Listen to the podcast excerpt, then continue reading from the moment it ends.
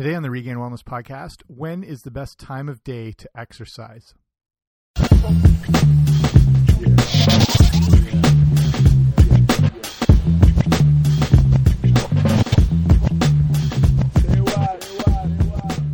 Hey there, what's happening? Welcome back to the Regained Wellness Podcast, brought to you by regainedwellness.com. I'm Jamie. Thanks for coming on out today. You've made it, you got to the right place. If you're here by accident for some reason, feel free to stick around, check everything out. Today, though, we're talking about you know you need to exercise, but the next question is when is the best time of day? Are you missing out on not working out at a specific time? What are the benefits compared to the morning to the evening? I'll cover all that sort of thing here. But before we start, if you haven't, make sure to subscribe wherever you find your podcasts. I should be there. You subscribe, they automatically get sent to you. Everything's taken care of. Okay, let's get into this. So, like I said, there's no surprise that you need to be working out and that it's good for your health you know, besides looking good and feeling good, a life devoted to fitness and exercise can help combat many diseases and conditions. Uh, helps to prevent premature aging, among a lot of other things. Since you already know this, what like when are we supposed to work out? Are we made to work out at a specific time? If you've been committed to the same workout routine for a while, you know, just when I mentioned the benefits of exercising, I think it's helpful to remember why because if you're sort of slogging away doing the same exercises and routine, I mean, that's good from a consistency standpoint and adherence, but sometimes you forget why you're doing this in the first place. I mean, looking good is usually going to be at the top of most people's lists, and that's still a very valid reason. But as a quick refresher, here are some of the many, just some of the health benefits that come from keeping your body active. You've got, you know, improving muscle mass, the decreased body fat that comes with it, the ability to strengthen your bones, uh, improving your cognitive function along with memory and creativity. You have better insulin sensitivity, which is your body's ability to handle sugars and glucose. You get natural hormone production, such as testosterone and human growth hormone. Though, I mean, you sort of think of those as attributed to like, you know, bodybuilders and athletes cheating or whatever, but these are natural hormones that everyone needs, male and female, and they contribute to things like anti-aging, especially human growth hormone. It's seen as sort of like the fountain of youth as far as hormone goes. Hormones go. Uh, you've got the benefit of stress relief from exercise. You have better sleep each night. Again, with that cognitive improvement, you know, exercise can combat depression and help to control anxiety. And honestly, this list could go on for a while, but you can see how beneficial just a few of those things are, let alone all of them to your overall health and wellness. So, you know, keeping this in mind, let's look at the best time of day to work out. So, the first question is Is it best to work out in the morning or night? If you're a morning person, this can be an easy decision as you're probably already working out first thing. If you're not a morning person, you may want to start considering it. So, working out in the morning is not just a good way to get you up and running for the day, but it can have some benefits for the very end of the day. When you become active first thing, your circadian rhythm becomes better engaged. So that is your the circadian rhythm is your biological clock. And this thing can be thrown off pretty easily. If you stay up too late at night, you don't give it a chance to run properly. Working out in the morning helps to set things in motion, which means it will wind down right when you're needing to go to sleep. This is beneficial because it will improve the quality and quantity of your sleep. Falling asleep will be easier, uh, as will staying asleep through the night. So, research from Johns Hopkins found that morning workouts improve slow wave sleep, which is that deep restorative sleep you need to recover and rejuvenate your body. The morning workout also raises your body temperature, which is a signal to the body that it's time to wake up. The rise in core temperature that comes from exercise will not only help wake you up, but it increases alertness. If you can only work out at night, you may want to keep things less intense. Whereas working out first thing can wake you up and jumpstart your energy, the same thing happens at night. That will make falling asleep a lot more difficult, but we'll get to more of that in a bit. So that's like, you know, looking at the difference between morning and night. So, what is the best time of day if we're trying to nail this down? You know, if working out in the morning looks pretty beneficial, when exactly, what hour are you looking at? If you're looking for weight loss, calorie burning, energy sort of that sort of thing, the research really shows that there is no best time of day to work out. If you're looking to feel better as far as uh, increased energy and alertness, the morning is still going to be the best. You're also going to get that calorie burning aspect that comes along with it. So, not only that, but it, if you work out in the morning, it's more likely that you're going to stick with it and stay consistent.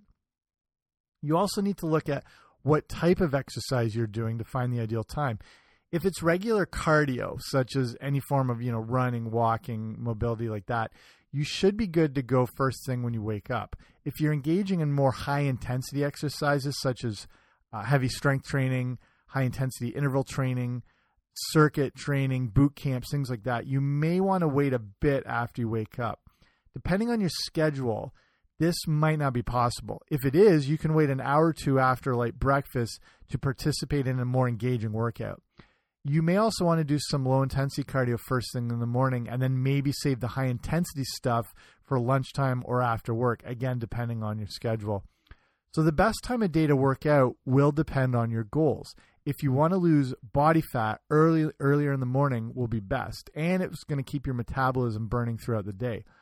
If your goals are primarily strength and muscle based, you could wait until the late afternoon. This is the time of day when your hormone levels are higher, specifically testosterone, and this is when strength levels can peak. Whichever time you commit to, it's important to stay consistent with it, as the research shows this will lead to better performance, improved oxygen consumption, and lower exhaustion rates. So if you're working out in the morning or if it's first thing, what's the deal then with, you know, exercising on an empty stomach or you may not be a big breakfast eater or even feel like eating that much before workout. If your morning workout is less intense, you should be fine working out on an empty stomach. You need to remember that you still will have muscle energy in the form of glycogen stored in your liver and muscles from the carbohydrates you ate the night before or the, the last meal you still don't want to go longer than you know 20 to 30 minutes and then make sure you have your breakfast or your your replenishing meal within 30 to 60 minutes once you are done. The idea with breakfast it doesn't have to be right at 8 o'clock or 7 o'clock. That's they call that abstract time and it's when we do things dependent on what the clock says. You know what i mean? As opposed to listening to our bodies like you know abstract time being like the idea of working 9 to 5 or having breakfast at 8 lunch at 12 dinner at 6 um, breakfast is you know whenever you have it you know like the the concept is you're breaking your fast. That's what breakfast is. So it doesn't matter if you have it at 7:30 or if you have it at 9:30 or 10 the first time you eat is essentially breaking your fast and that's your breakfast. And there is some benefit of some you know that lighter cardio early morning that can have more of a um, body fat um, reducing effect. Uh, you can even take it a step further by going with like a cup of green tea or something and then waiting 10 or 20 minutes uh, and then going out if you do your walk or your cardio or whatever like that. The green tea um, also has some links to body fat burning. Uh, it's a good, you know, sort of thermogenic drink. It's a good antioxidant source. So that's a good combination in the morning. Have, you know, have your cup of tea or whatever, then do your 20 to 30 minutes cardio, come back and then, you know, wait wait another say 20 to 30 minutes. There is this what they call lipolysis, that's your body burning fat and your body is continuing to do that after the workout. So you don't necessarily want to interrupt it by eating. I mean, if you're really hungry obviously, but if you the second you finish, you start eating, you can kind of blunt that lipolysis effect. So let that go. It, it go, you know, it's not a whole written in stone thing, but but if you wait another 20 to 30 minutes, you can get a little bit more of the benefits from that um, what they call fasted cardio. If your workouts are more uh, intense, uh, if you're engaged in something more um, exerting early in the morning, you, would want to have something light and easily digestible, maybe 30 to 60 minutes beforehand. This can be something like a banana and a protein shake, either you know eaten and drank or blended together. Remember to drink around eight ounces of water about 15 minutes before you exercise, and then continue to sip water throughout the duration of your workout. Not only you know to keep you hydrated, but you know with that water beforehand. But it also will help with you know performance and the actual exercise itself. The main thing that is important is a focus on the post workout nutrition to replenish and repair the body, whether you're doing a lighter intensity workout or the more strenuous type things. Again, like you don't need to eat the minute you finish a workout, but you want to take advantage of the post workout window to restore your muscle glycogen, which I mentioned before, which is your stored muscle energy. Um, and then you want to start repairing the muscle as well. So, this is all part of recovery. And what you do at the end of one workout helps to prepare you for the next. So, that would probably be the fact of the show. If you're going to take one thing away, what you do at the end of one workout helps to prepare you for the next one. So, as long as you get in some decent nutrition within two hours of a workout, you should be all set. So, again, that that whole idea of breakfast not having to be first thing it's whenever you get to it and especially when it's you know related to exercise it, there actually looks like there's a longer period of time where your body's able to um, absorb the nutrients. There's always this idea and you might see this more pushed by supplement companies that you've got to have protein within 20 minutes or 10 minutes or it, a lot of the research shows you can go a lot longer um, and still get the benefits of the protein. Essentially your post workout meal is whenever you eat after your workout, whether it's eight hours after, your body's going to make use of that food. I wouldn't wait that long. I think it still makes sense to get it in within that hour or two, but uh, it's that whole idea you don't have to panic and get this food right away because your body's going to start wasting away. It just doesn't work that way. The one thing that does look important though is combining protein and carbohydrates with that post workout meal. And that's a real ideal way to jumpstart that recovery process. Again, promoting um, the repair and rebuilding of the muscles, replenishing glycogen, just restoring energy. A good rule of thumb is eating around 30 grams of carbohydrates and 15 grams of protein for every hour of intense exercise. So if you can keep that in mind and and factoring in, you know, if you're working out more than 2 hours, you're probably going too long unless it's, you know, you're training for something specific or it's a longer bike ride or your marathon whatever. But like if you're in the gym for 2 hours you either have way overdone it or you're wasting your time and not using it effectively. Honestly 45 to, to an hour if you're doing things right should be good. And then keeping that in mind again depending on your goals and your your size your muscle mass if you're male or female. But the rule of thumb 30 grams of carbohydrates 15 grams of protein for every hour of intense exercise so, getting back to that thing I mentioned before about exercising before bed, and is this bad? Again, this will depend on the type of the exercise. If it's a lower intensity, there shouldn't be a problem, and this may help in getting you to sleep actually. Some good forms of this lower intensity exercise before bed would include walking, cycling, yoga is really good. If a workout is too intense close to bedtime, your body will have trouble winding down your endorphin levels will be completely spiked, and this makes your body awake and alert. You remember talking about the circadian rhythm and your biological clock. This is like to your body, this is almost like you've just woken up and it's like nine in the morning and your body's alert and ready to go. That's why the benefit of working out earlier, if you can, um, because it engages everything properly and lets the whole cycle work and wind its way down. But if you, you know, if you're working out at 10 o'clock at night, it's going to be really tough to let your body settle because it's basically up and at 'em and ready to go. It can take, I mean, again, depending on your conditioning and your consistency with workouts, you might be able to squeak these in. It, it can, but keep in mind, it can take an hour or two until these endorphins are washed out. So, again, any intense exercise needs to be within a few hours before you normally would sleep or you just you risk the difficulty. Uh, you actually you might fall asleep relatively okay not always but staying asleep will be a little more troublesome and getting that deep restorative sleep. A good way to wind down the day uh, you know with things like if you're keeping it low intense like the walking or the yogas also involves some stretching to help in muscle recovery. And it also relaxes the body and improves sleep quality. Stretching is really something you should do every day. Uh, I, am guilty of it. I always sometimes bypass it. I've made it a point to really focus on it, whether it's at least at the end of workouts, which I would suggest. Uh, that's again another good time to promote muscle recovery, healing, and prevent muscle soreness is stretching at the end of workouts. Again, and at night to help the body wind down and again to promote more relaxation.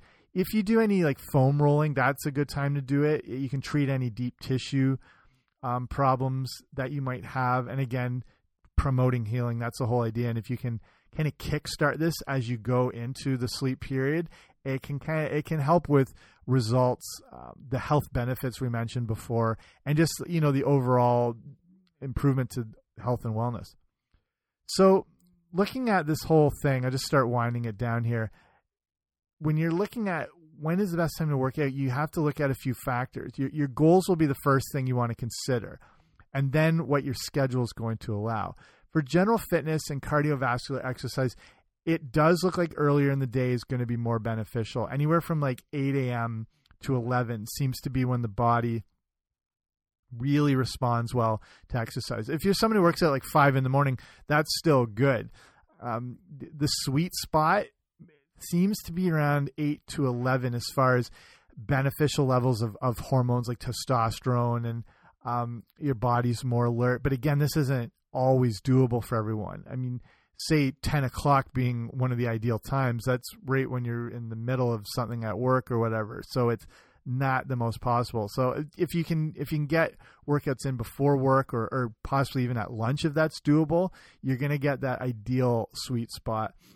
Uh, it, you know, as long as well with the early morning, it, uh, when you get that workout in, it allows you not to have to worry about things like eating first thing, you know, because you're going to get that workout in and you know you're going to eat after. And then it's potentially going to lead to more body fat burning if you get that morning workout in, as well as kickstarting the day. And, you know, like those things are like improving creativity and memory and problem solving is one of the big things. So, which is probably going to come up in most people's jobs.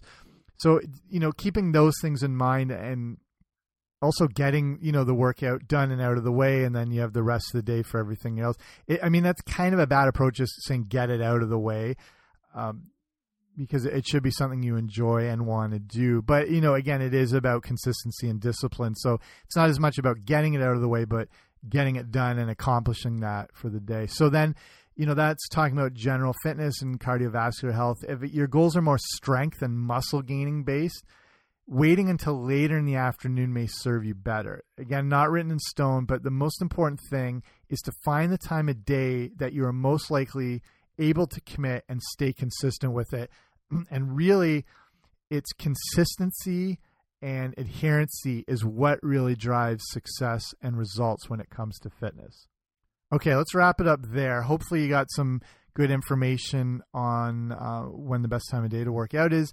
And if you've been you know doing some of these specific times a day workout already this is you know hopefully reassures that and whatever but again consistency that's the main thing if if you know you're just not gonna go to the gym until it's six o'clock it's better to you know stick in and lock in with that um, adherence and going with that. But like i said if, if you can kind of force yourself to maybe try the early morning thing go with that for a little bit and see what it's like. Uh, more often than not and with so many people i've worked with they've never gone back and they've stuck with that that morning workout just for a, a ton of different reasons. So it's just something you know it, it's hard uh, dragging yourself out of bed but give it a shot. Like now i when i was in university high school later on th- there was a lot of times i didn't work out till like 11 o'clock at night which is absurd but that's more of that kind of lifestyle period then later it became I would never go before five o'clock.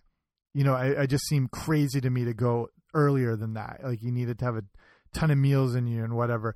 Then there was a period where I was going between two and three, again, depending on the schedule. And that seemed like, whoa, this is getting early. These days, it's anywhere from um, nine o'clock to 11. Again, uh, the, there's something now that if I'm 12 o'clock at the absolute latest. And if I can't get in by then, I almost don't want to go, which, you know, I never ever would have thought I'd be in a gym at like nine or 10 in the morning, but that's just how it's evolved. So start giving it a try and see what you think. But I'm done for now. Hopefully, you found this interesting. Again, if you haven't, make sure you subscribe. If you really like the show, give it a rating and review. That way, more people get to see it, and then everybody's happy. Okay, that's it for me. Have a good day. Bye.